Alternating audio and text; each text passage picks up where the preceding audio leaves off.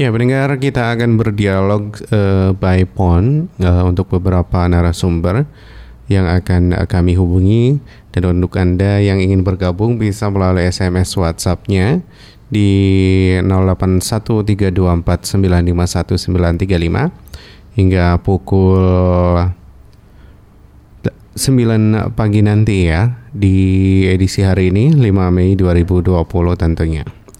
Dan kita akan mencoba menghubungi beberapa narasumber yang akan uh, kita, untuk berdialog ya untuk pagi hari ini.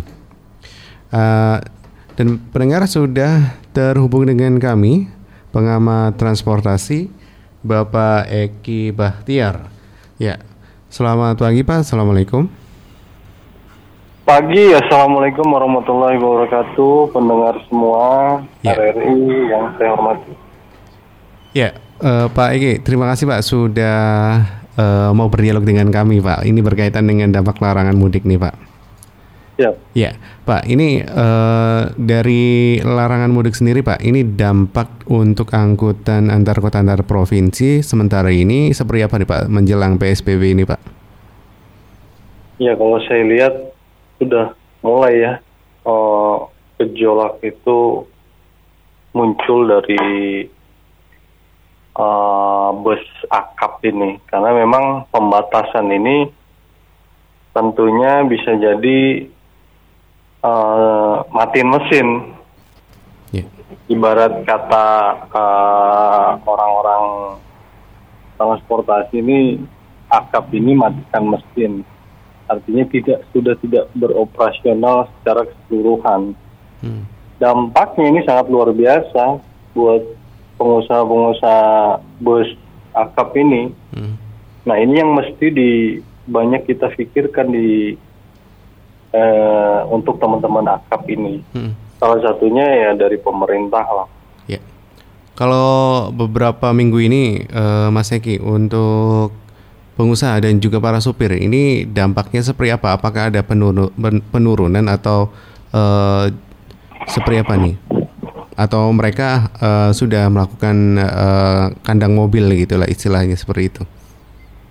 Ya sudah kandang mobil. Hmm. Kalau bahasa supir itu udah udah nggak ada uang jejak lagi.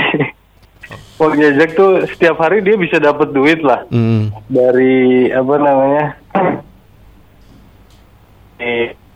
yang memang aktivitas ada aja rezeki hari setiap hari gitu. Tapi hmm. untuk sekarang kan nggak ada sama sekali.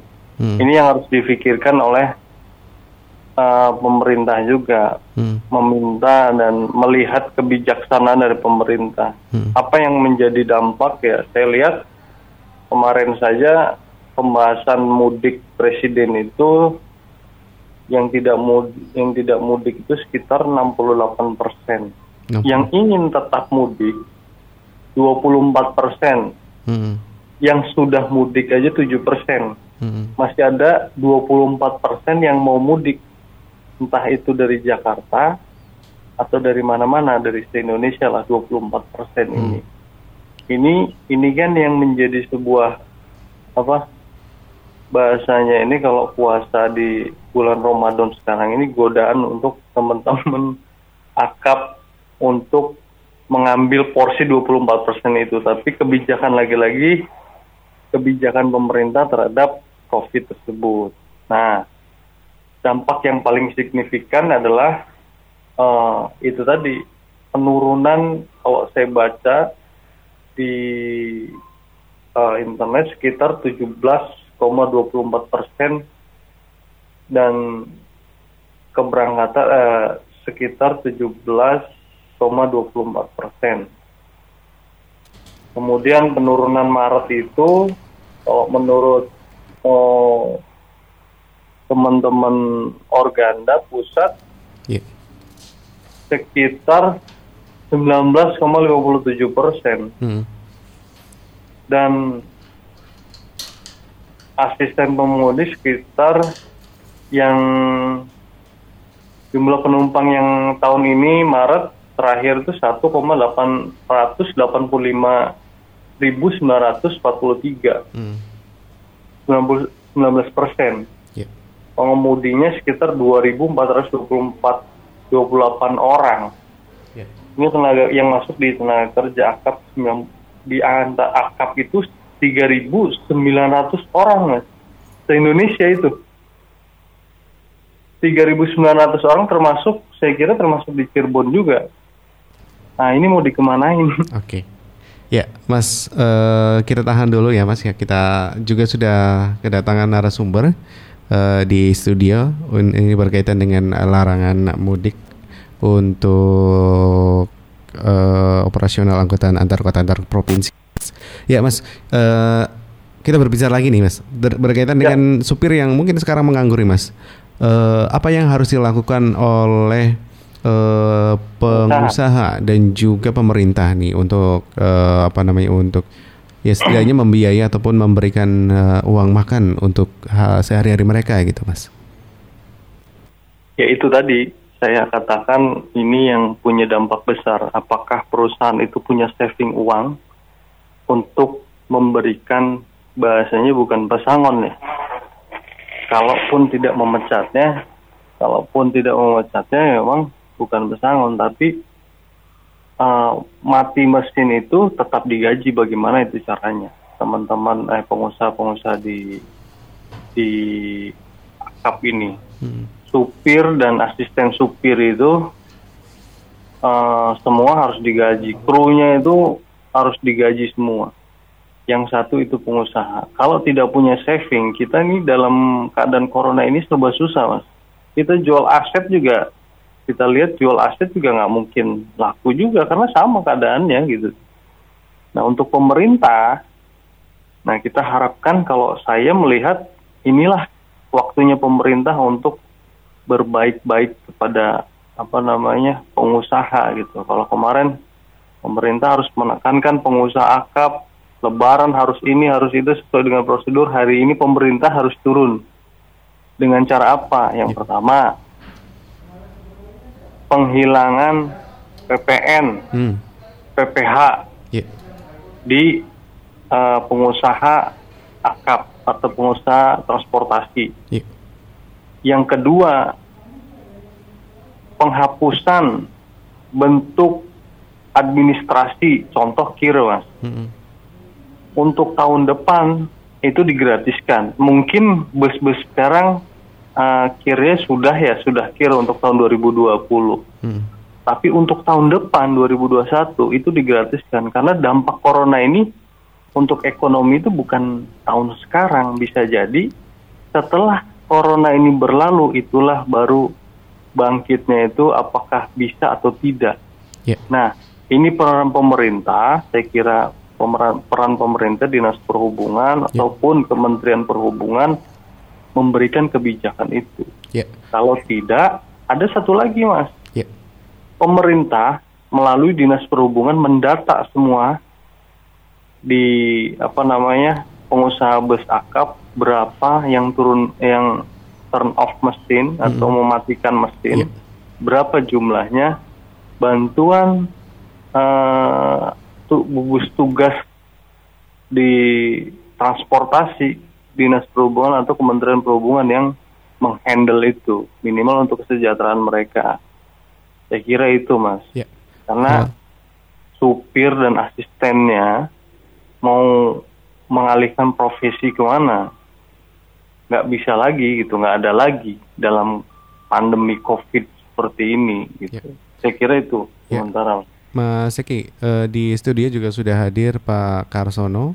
Ini uh, mungkin Anda tahu uh, sekretaris Organda ya. Bisa disapa dulu oh, Mas iya. Eki. Selamat pagi, Assalamualaikum Pak Kartono.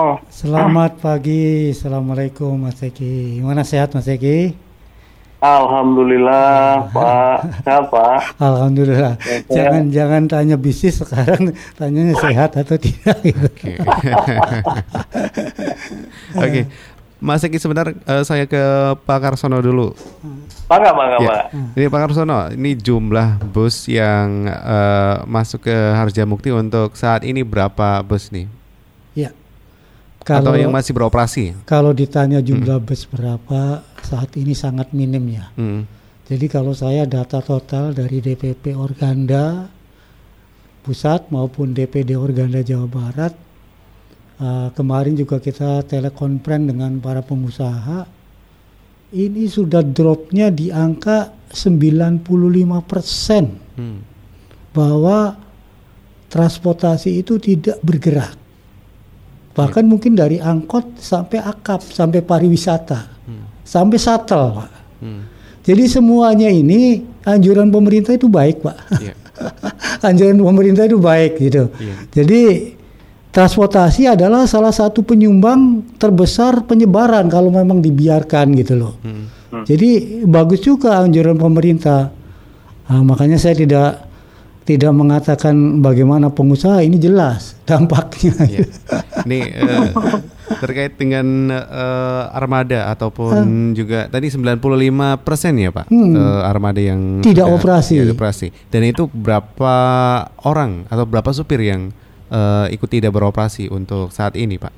Ya kalau kita hitung ya, ya kira-kira saja. Akap saja misalkan itu ada berapa puluh ribu hmm. kalikan satu unit itu supirnya dua keneknya dua ya kan yeah.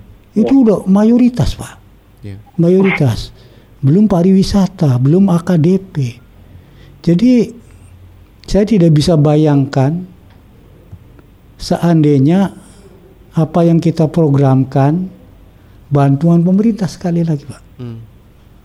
karena bagi pengusaha dan bagi pekerja transportasi ini sudah ada di titik terendah. Yeah. Mereka bisa bertahan karena mereka tabungan udah habis mungkin. mereka tidak punya aset. Apalagi nah program Pak Gubernur yang 10 program ini saya kira sudah sudah sudah waktunya sebenarnya. Hmm, okay. Pak, tadi dari jumlah 5% yang masih beroperasi saat ini uh, penghasilannya sendiri apakah uh, ya bisa dibilang menguntungkan atau malah pas-pasan gitu pak? Jelas tidak pak, hmm. karena ada pembatasan jarak. Hmm. Di bus itu diperiksa pak. Yeah. Jadi tidak bisa lagi kursi itu terisi sepenuhnya. Berarti maksimal itu di angka 50 persen. Hmm. Nah kalau bus jalan dengan kursinya penumpangnya 50 persen, itu sudah jelas rugi pak. Hmm. Loh jadi kita tidak bertanya dapatnya berapa, untungnya berapa, ruginya berapa, Pak. Hmm. Jadi sekali apa namanya sekali jalan mungkin uh, uang yang didapat malah harus ditombok mungkin ya. Pak? Iya, iya. Hmm. Jadi untuk uh, menutup beban tetap atau fixed cost saja, hmm. Pengusaha itu sekarang nggak mampu, Pak. Yeah. Apalagi program yang dijanjikan pemerintah ya tentang rescheduling, restrukturisasi, hmm. ya ini di bawah ini Pak Jokowi mengatakan satu tahun penundaan kredit nggak ada Pak di bawah Pak. Hmm. Saya sudah masuk ke finance finance, saya yeah. sudah mengajukan ya saya sendiri punya usaha kecil-kecilan transportasi ya yeah. sudah mengajukan restrukturisasi hanya lewat online ya yeah. hanya permohonan bapak sudah sesuai persyaratan menunggu proses lebih lanjut yeah. kapan Ya, uh. saya ke Mas Eki dulu. Mas uh. Eki ini berkaitan dengan uh, kredit yang tadi dijanjikan oleh Pak Presiden nih. Uh, apa nih dampaknya ketika kredit ini uh, seperti angin apa ya angin? Angin lalu gitu ya. ya. seperti itu. ya kalau saya lihat begini mas, uh, kebijakan restrukturisasi kredit itu uh, ada beberapa memang pengusaha yang di bank hmm. BUMN atau bank-bank besar itu bisa restrukturisasi tapi kayak finance itu hmm. terkendala karena memang uh, banyak pemiliknya bukan dari orang Indonesia atau dari luar itu mas yeah. gitu nah ini yang menjadi sebuah kendala di internal finance-nya tapi uh, kalau mengenai kendala itu bisa dikonsultasikan oleh OJK OJK pak Kemarin saya juga sempat ngobrol dengan OJK. Jika ada finance yang memang belum bisa meng, apa, memberikan uh, restrukturisasi kreditnya, uh, coba dilap, dilaporkan ke OJK. Nah itu OJK atas nama pemerintah akan membreakdown gitu atau akan bicara kepada OJK eh kepada finance tersebut. Hmm. ini salah satu bentuk bantuan dari pemerintah. Tapi ada yang memang uh, menjadi sebuah fokus kita, Pak, hmm. uh, bahwasanya bangsa ini, pemerintah ini tidak punya database yang benar-benar jelas, Pak. Hmm. Jadi setiap daerah itu ikutan PSBB walaupun daerah itu tidak sepenuhnya memang uh, menjadi zona merah gitulah. Yeah. Nah, ini yang berdampak pada keseluruhan ekonomi. Sedangkan pemerintah juga untuk mengcover uh, kejadian tersebut ini hmm. Belum siap bahasanya kalau kita lihat. Yeah. Belum siapnya apa? Satu tadi, apakah bantuan-bantuan pemerintah itu yang pertama tepat sasaran. Hari ini aja polemik luar biasa di nasional itu. Jadi COVID ini jadi bentuk apa ya? Uh, jangan sampai terjadi sebuah chaos sosial lah. Kita nggak mau itu.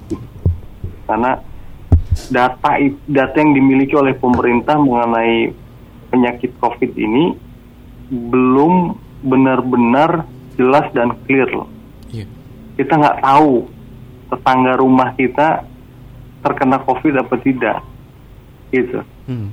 Nah, ini pemerintah tidak mempunyai data valid mas, sehingga pukul ratanya udah semua COVID, uh, semua aktivitas dibatasi semua. Hmm. Akhirnya down tapi tidak punya uh, persiapan atau uh, kekuatan misalkan pangan dan lain sebagainya ini yang menjadikan sebuah kita kebingungan juga masyarakat kita mau makan atau mau cari segala macam apalagi di transportasi terpukul sekali hmm.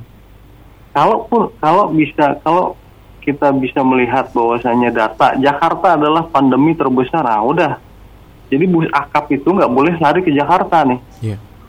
tapi kalau untuk uh, misalkan uh, antar apa namanya antar kota uh, antar kota dan antar provinsi misalkan Jawa Tengah hmm. jadi nggak nih bisa bisa nggak nih hmm. mau zona merah bukan oh yeah. bukan nah itu masih bisa ya nggak jadi masalah gitu yeah. nah ini yang yang dipukul saya lihat dari kemarin dari Cina itu Wuhan kan bagaimana caranya pemerintah Cina itu mengklasifikasi betul orang per orang dampak uh, siapa yang terkena corona hmm. dan ditandain bahwasanya dia adalah zona hijau, merah dan kuning. Yeah. Kuning itu di tengah-tengah, merah itu uh, sudah rawan. Ya? Namanya, ya? Rawan. Yeah. Gitu. Ya, uh, Mas Eki ini menurut Mas Eki uh, pemerintah ini harusnya seperti apa dan uh, sedangkan tadi menurut Mas Eki kan tadi pemerintah belum siap dalam hal ini uh, atau uh, larangan mudik ini belum siap untuk diterapkan gitu. Nah, menurut uh, Mas Eki, pemerintah harusnya seperti apa nih? Nih, Mas saya, saya juga bingung sama pemerintah. Oh gitu. PSBB dilakukan, hmm. tapi moda transportasi yang lain hmm. diberikan izin khusus. Hmm. Lion Air dan Air Asia kalau nggak salah, hmm. mohon dikoreksi kalau salah, itu diberikan izin khusus, izin terbang. Hmm. Artinya kan loh kenapa mereka boleh kita nggak boleh? Akap itu nggak boleh? Yeah. ya kan? Itu yang menjadi sebuah kebingungan saya terhadap kebijakan pemerintah. Satu hmm. itu. Yang kedua eh, dalam transportasi ini tidak sepenuhnya ditutup oleh pemerintah yeah. yang ditutup adalah apa namanya yang ditutup adalah uh, angkatan uh, angkutan penumpang saja tapi logistik itu masih bisa masuk. Hmm. Sedangkan ini kan bahasanya pandemi. Yeah. Pandemi itu, corona itu di baju aja 9 jam dia nempel. Yeah. Nah, kita asumsikan kalau mobil logistik itu terkena corona, apakah itu menjamin bahwasanya uh, mobil logistik itu clear? Hmm. Kan nggak juga. Yeah. Nah, ini pemahaman pemerintah yang saya juga masih bingung. Gitu. Yeah menyatakan di apa namanya PSBB pembatasan skala besar, hmm. tapi ruang-ruang ruang-ruang masuk itu nggak clear gitu. Yeah. Nah, saya punya pemikiran bahwasanya kenapa protokol kesehatan yang uh, kenapa tidak protokol kesehatan yang dikedepankan contoh yeah. ketika penumpang uh, mau masuk itu dicek dulu. Hmm. Jadi setiap uh, setiap penumpang mau masuk itu atau masuk di kawasan terminal itu sudah terdeteksi apakah dia punya penyakit uh, terkena corona atau tidak. Yeah. Pembahasan saya ini sebelum corona dinyatakan di Indonesia, Mas. Yeah. Dulu juga eh, kemarin waktu bulan-bulan lalu kita juga membahas diskusi ini di RRI. Yeah. Saya bilang bahwasanya di dunia transportasi darat itu wajib memiliki CCTV ataupun alat yang mendeteksi bahwasanya uh, pandemi itu bisa terlihat oleh alat itu kayak di bandara. Hmm. Kalau untuk saat ini di negara mana mas uh, yang ada? Belum ada. Belum ada. Makanya Indonesia sebagai oh, gitu. motor. Oh, gitu. Motornya okay. Indonesia. Maksud hmm. saya alat alatnya kan tinggal dipindahin. Hmm. Alat yang di bandara taruh di terminal gitu hmm. loh. Hmm. Nah di darat ini jarang sekali gitu loh. Untuk Atau kendaraan uh, transportasi di darat itu jarang mungkin ya mas? Jarang. Hmm. Jadi kayak misalkan alat pendeteksi gitu loh mas. Hmm. Uh, apa namanya alat apa sih uh, namanya nggak tahu. Thermal Ya kamera yang kalau misalkan orang itu terkena virus itu warnanya merah. Hmm. Oke. Okay. Yang tidak kena virus itu fine lah, cuman okay. jantungnya aja yang kelihatan. Oke. Okay. Nah ini tidak ada di darat itu mas. Belum Transportasi darat itu nggak ada. Oke. Okay. Di kereta api, di apa namanya di terminal, hmm. di stasiun apa namanya di moda-moda transportasi darat nggak ada. Hmm. Nah, ke depan ini menjadi sebuah motor. Bagaimana caranya? Di terminal itu harus ada alat itu. Hmm. Gitu, Mas. Oke. Okay. Saya kira itu. Saya ke Pak Karsono dulu. Pak Karsono, apakah uh, para PO ini sudah menerapkan protokol kesehatannya di uh, masing-masing bus ini, Pak, uh, untuk uh, beberapa hari yang lalu? Saya pikir semua sudah melakukan ya. Tapi kan protokoler yang sederhana di tingkat PO itu. Hmm. Seperti bagaimana dia menyemprotkan desinfektor ke kabinnya, hmm. ke kursinya. Itu sudah dilakukan, Pak. Hmm. Bahkan beberapa aksi yang dilakukan oleh organisasi kami juga hmm. di lapangan itu sampai ke angkot ke mana itu dilakukan. Hmm. Tetapi itu tidak berarti ketika tadi, yeah. menurut Mas Eki, bahwa penumpang yang naik itu penumpang bersih atau penumpang yang sudah terjangkit. Iya gitu. ya kan kembali kalau kalau mobilnya sudah oke okay lah ready misalkan ya hmm. uh, dengan disemprot dan lain sebagainya tidak ada uh, corona di situ. Hmm. Tetapi ketika naiknya seorang penumpang yang terjangkit corona kita mana tahu kan gitu loh. Hmm. Dan itu jadi saya sebenarnya sepakat. Bahkan saya ekstrimnya gini, awal-awal pandemi ini Kenapa sih kita nggak lockdown total aja? Hmm. Yeah. 100 persen, yeah, ya kan? Betul. Entah 15 hari atau 15 hari diperpanjang 15 hari lagi. Mungkin sekarang kita aktivitasnya sudah normal, Pak. Hmm. Artinya sudah mudik, sudah segala macam berjalan. Tapi karena dulu ya kebijakan pemerintah sekali lagi ya saya tidak menjustifikasi benar dan salah. Menurut hemat saja gitu loh, hemat saya saja. Karena ini kan mulai di dari di rumah saja hmm. social distancing sampai PSBB ya bukan PSBB sampai PSBB saya kira tidak ada dampak yang signifikan kalau belum dilakukan lockdown secara total ya, hmm. ya karena tetap masih ada penyebaran kok Cirebon yang tadinya zona hijau sekarang udah zona merah kota Cirebon di beberapa daerah kedatangan keluarga dari Bandung dari mana yang sudah terjadi sampai meninggal ya. Yang ODP banyak sekali. Kemarin saya baca di media Gria Caraka perumahan dua orang meninggal. Apalagi pabrik Sampurna katanya. Hmm. Dua orang meninggal. Bagaimana ratusan pak buruh pabrik Sampurna? Bagaimana produksinya yang sudah beredar? Oke. Sok, hmm. apakah pemerintah bergerak sekarang? Itu kejadiannya tanggal berapa? Uh, legis produksinya tanggal berapa? Ada di mana saja rokoknya? Loh, apalagi kan masih banyak yang merokok juga. Yeah. Nah, ini kan nggak nggak jelas semuanya, mas. Nggak jelas gitu loh. Jadi dari penanganan COVID sendiri ini nampaknya masih setengah-setengah. Hmm. Ya, jadi apalagi kami transportasi tempatnya umum gitu. Yeah. ya, Pak Karsono, apakah sejauh ini pemerintah sudah membantu uh, para supir dan juga pengusaha uh, operasional bus sendiri, Pak, untuk sejauh ini? Ya, uh, pemerintah ditanyakan sudah membantu, alhamdulillah belum, Pak. Hmm. uh, bukan alhamdulillah sudah. Kalau dimintain data, kami itu sudah dimintain data, Pak. Yeah. Dari tingkat kota kabupaten, provinsi sampai pusat. Hmm. Dan data itu saya masukin semua lengkap lagi pak datanya. Ada nama ibu kandung, ada nik, ada nomor HP.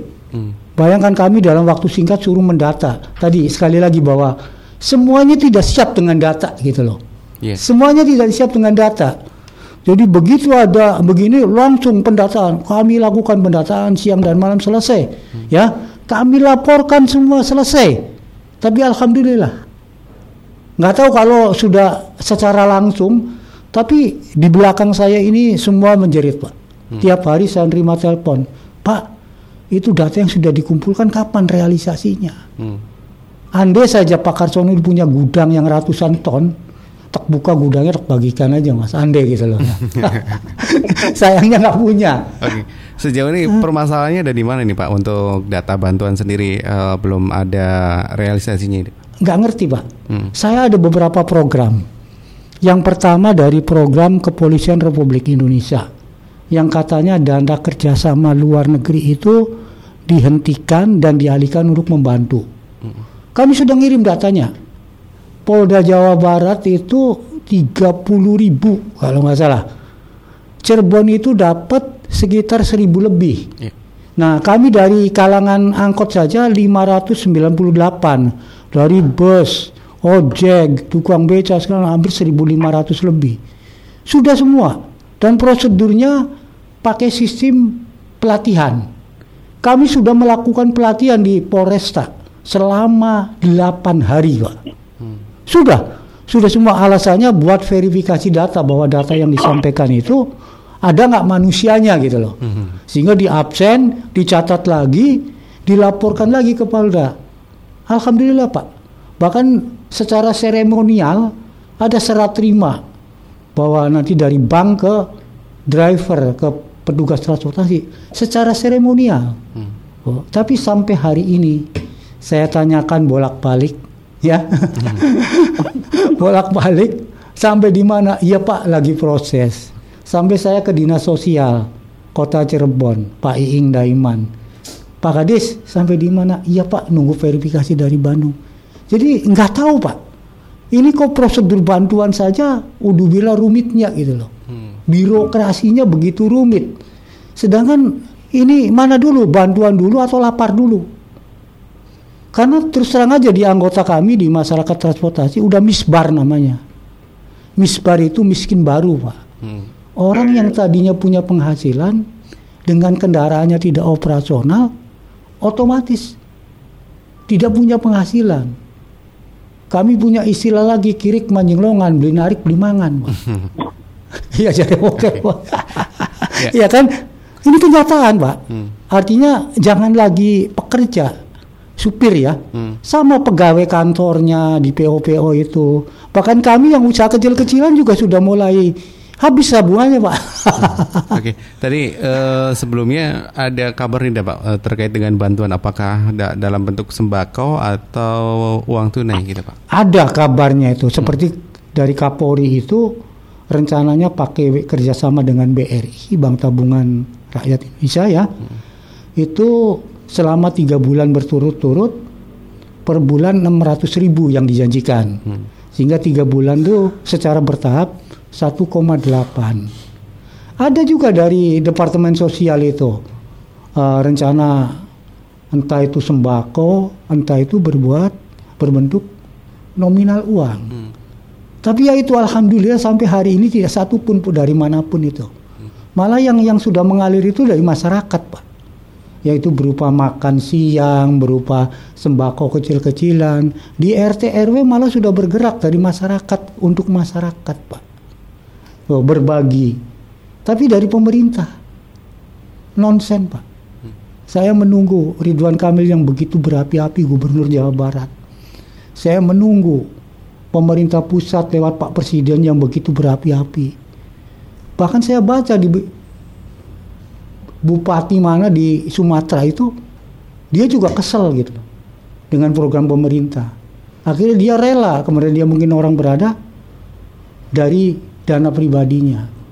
Ini paling Pak yang yang bisa kita harapkan. Hmm. Pemerintah nggak tahu kapan Pak, karena pendataan selesai, apa selesai hmm. tapi tidak kunjung datang pak. Oke. Okay. yang di data itu berapa jumlahnya pak? Uh, itu sup, supir dan juga supir angkutan apa?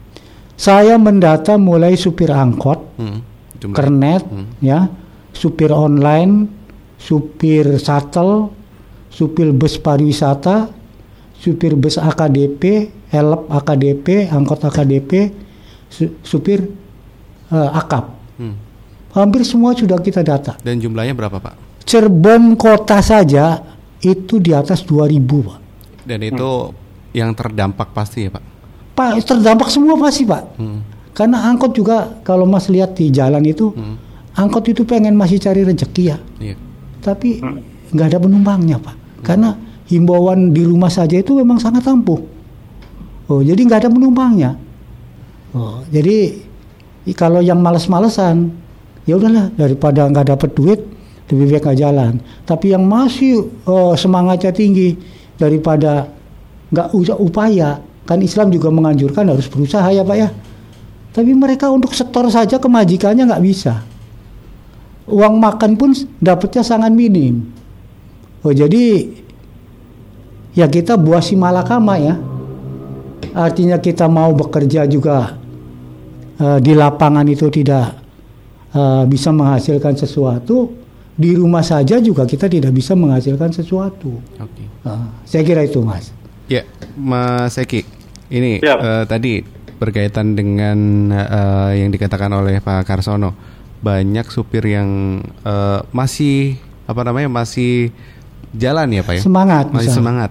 Nah ini uh, ada yang tidak semangat. Apa yang sebenarnya uh, yang harusnya dilakukan oleh supir-supir tersebut dan juga para uh, kernek juga ini untuk uh, bisa memenuhi kebutuhannya di di luar uh, narik gitu. Kalau bagi supir dan kernet memang terbatas ya, tapi saya fokus pada pemerintah pak. Hmm. Yang saya yang saya bicarakan itu adalah zonasi terdampak COVID itu yang harus pemerintah tegaskan lah. Hmm. Apakah Kabupaten Cirebon, Kota Cirebon, atau sewilayah tiga Cirebon masuk pada zona merah? Zona merah itu berapa orang-orang yang terkena corona? Apakah itu bisa uh, dikarantina? Kalau cuma dua orang, apakah itu bisa dikarantina? Hmm. Kalaupun di karantina, kita masih masuk wilayah daerah zona kuning lah. Hati-hati. Kalau hati-hati itu orang lain nggak boleh masuk nih. Hmm. Tapi masyarakat sekitar uh, wilayah kota aja, contoh kota Cirebon masih bisa berinteraksi atau melakukan aktivitas kegiatan-kegiatan itu itu dibuka atau zonasi itu dilakukan dengan tegas saya kira ini sangat membantu. Hmm. Tapi lagi-lagi pemerintah kan lagi-lagi uh, semua memang nanti kalau kita nggak pernah tahu virus itu siapa yang ini ini susah buah si malakama gitu. Kita nggak keluar kita nggak makan pak. Yeah. Kita keluar kita dimakan virus. Tapi seberapa jauh uh, hal ini akan berdampak bagi bagi apa namanya supir dan kernet itu ya sangat berdampak sekali. Hmm. Yang dilakukan pemerintah satu penegasan zonasi, yang kedua bantuan kepada internet dan supir. Kenapa nggak turun-turun yang tadi saya dengar dari Pak Karsono? Karena pemerintah juga bingung, ragu juga untuk mengeluarkan datanya itu belum meragukan. Hmm. Itu yang yang menjadi sebuah uh, kelemahan dari pemerintah. Saya okay. kira itu, itu yeah. yang harus diperbaikin. Okay. Kalau di Wuhan, di Cina itu orang tetangga itu sudah pakai namanya aplikasi di Wuhan itu ini kita belajar dari Wuhan saya lihat juga video-video semua saya ulas saya saya baca di Wuhan itu satu kota Wuhan sama aja dengan satu kota Cirebon nih satu iya. kota Cirebon diblokir semua ya nggak boleh masuk semuanya nggak boleh masuk termasuk logistik makanan itu nggak boleh masuk. Sayur-sayuran itu dari luar nggak boleh masuk. Hmm. itu benar-benar lockdown di Wuhan itu. Dan itu memang semua dikarantina sampai dengan batas waktu yang ditentukan. Nah orang-orang di dalam nggak boleh keluar dari rumah. Tidak boleh keluar dari rumah dan tidak boleh keluar dari Wuhan. Ini clear di Wuhan, hmm. Selesai di Wuhan, selesai pembersihan semua virus corona di Wuhan, baru Cina itu uh, bisa membuka diri untuk sekarang tidak ada zonasi, ya, tidak ada PSBB dan lain sebagainya pembatasan pembatasan itu udah lepas. Cina itu fokus kepada uh, pandeminya di mana, sumbernya di mana itu yang dikejar. Nah hari ini kita lihat di Indonesia kan di Jakarta pak, sekitar ribuan orang kalau nggak salah saya lihat yang memang terkena virus corona. Ya sudah lokus Jakarta itu disamakan kayak Wuhan itu. Orang nggak boleh masuk, orang nggak boleh keluar. Hmm. Tapi untuk akap itu yang daerah-daerah lainnya, zona-zona yang lainnya, ya dibebasin saja seperti biasa aktivitas. Hmm. Oke. Okay. Saya kira itu yang harus dilakukan oleh pemerintah pendataan yang pendataan yang apa namanya benar sesuai dengan misalkan akap itu masuknya di Kementerian Perhubungan. Hmm. Nah untuk supir-supir dibantunya dari Kementerian Perhubungan, simpel aja gitu. Yeah. Nah, terus kemudian dinas sosial atau Kementerian Sosial yang memang masuk dalam zona kerja di situ di dinas sosial ya dinas sosial. Itu saya kira. Oke. Okay. ya. Mas. Mungkin terakhir mas uh, harapan dan juga saran untuk uh, para armada dan juga supir uh, bus dan juga angkot dan juga transportasi, transportasi, transportasi lainnya agar bisa siap menghadapi uh, pandemi ini mas. Ya, saya sebenarnya cukup bersedih sekali. Saya sudah memperkirakan bahwasanya ketika ada pandemi ini, sektor transportasi yang paling besar terkena dampak. Awal itu saya sudah memperkirakan. Dan memang sektor transportasi juga yang menjadi sebuah carrier atau sebagai sektor yang menyebarkan semua nah, virus itu ke mana-mana. Hmm. Memang sektor ini yang harus ditutup pertama lebih awal tapi tidak juga uh, mematikan ekonominya. Gitu. Ini yang menjadi sebuah uh, pemikiran bagaimana caranya pemerintah bisa balance lah. Hmm. Kalaupun ditutup harus ada bantuan. Kalaupun memang uh, ketegasan zonasi itu ada clear, ketegasan zonasi itu clear, yang lainnya masih bisa terbantu sama-sama bantu membantu. Saran saya untuk para supir dan uh, kernet atau asisten dengan dan teman-teman supir-supir di angkot saling membantu. Inilah uh, kelebihan bangsa Indonesia. Tetangga sama tetangga itu masih care lah. Kalau di Amerika itu udah bodo amat. Tetangga mau meninggal mau mati juga Oke, terima kasih untuk Mas Eki Bahtiar pengamat uh, transportasi Cirebon. Pak Karsono ini Pak, ya. uh, dengan kondisi ini nih Pak, ya. apa yang seharusnya pemerintah lakukan untuk uh, menanggulangi masalah ini? Ya, uh, terima kasih Mas. Jadi ini memang tadi si Malakama sulit sekali. Di satu sisi transportasi sebagai penyebar tertinggi hmm.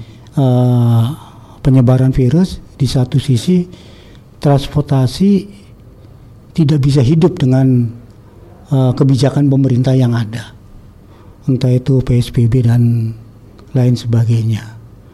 Yang yang kita khawatirkan berapa lama lagi sih hmm. bahwa ini bisa clear di negeri kita gitu hmm. dengan pola-pola yang dilakukan pemerintah saat ini hmm. kalau tidak dilakukan lockdown yang murni terbukti kan? Tadi Mas Baktiar Wuhan itu bisa selesai dengan lockdown pak. Hmm. nah kenapa kita nggak lakukan segera lockdown? Agar harapannya oh satu bulan lagi bisa clear nih. Sehingga masih ada harapan. Kalau sekarang next time pak.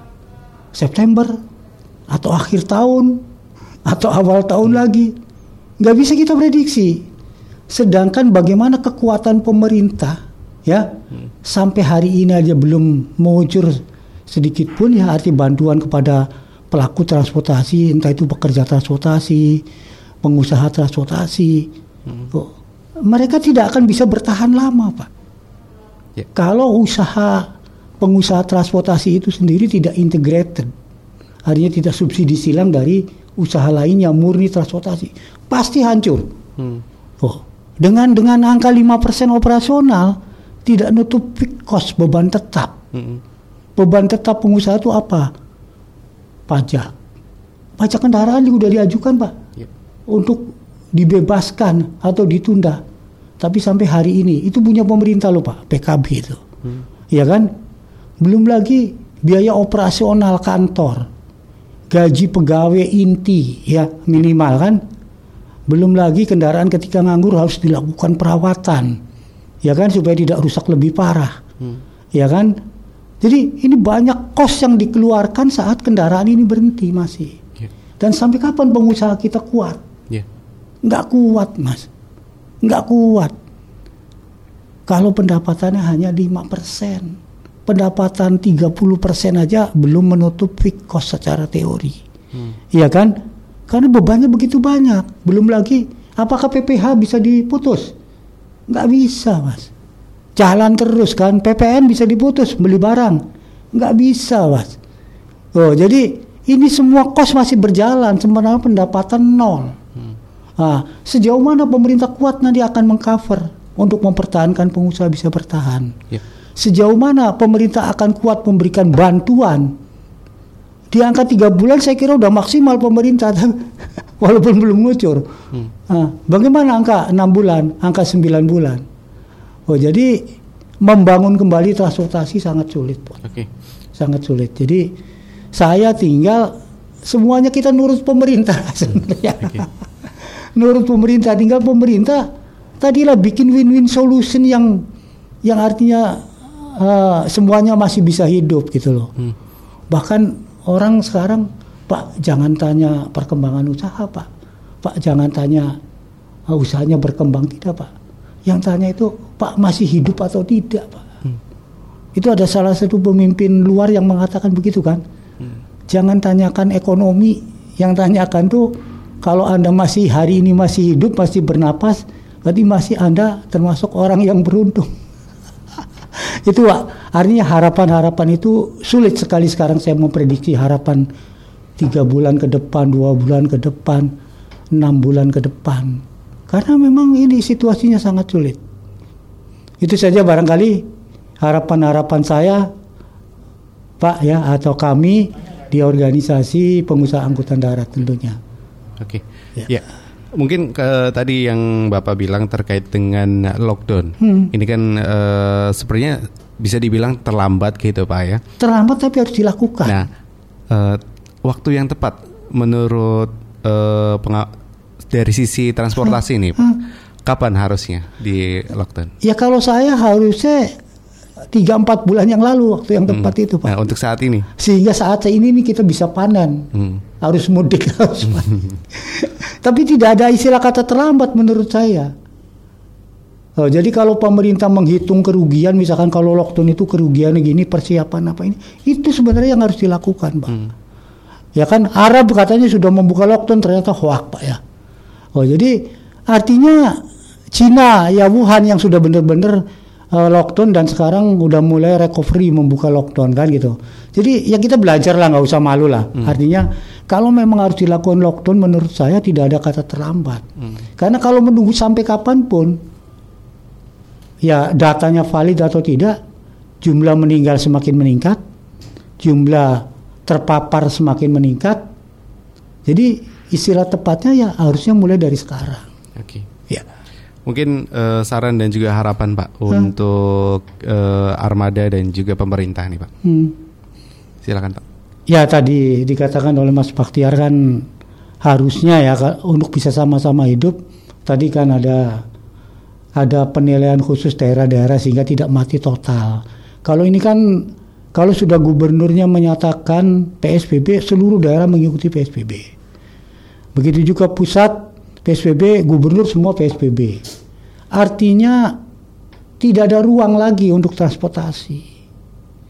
Apalagi dengan tadi ya tidak kelihatan penumpang yang masuk sehingga yang dilakukan di dalam unit angkutan itu jaga jarak Nah, jaga jarak itu bisa 50% Pak. Bahkan bisa 60%. Sehingga penumpang yang ada tinggal 40 atau 50%. Dan itu kalau transportasi jarak jauh rugi Pak dengan tarif. Ya pun ya tidak ada kebijakan kenaikan tarif kan, bagaimana mau naik tarif kan gitu loh. Oh, jadi ini juga yang mempersulit transportasi. Oh, jadi adanya daerah-daerah yang menolak kedatangan, ya kan gitu loh adanya PSBB dan adanya pembatasan jumlah penumpang. Sementara tidak mungkin dilakukan kebijakan kenaikan tarif. Ini Pak yang yang yang artinya sangat dilematis. Ja, maju kena mundur kena.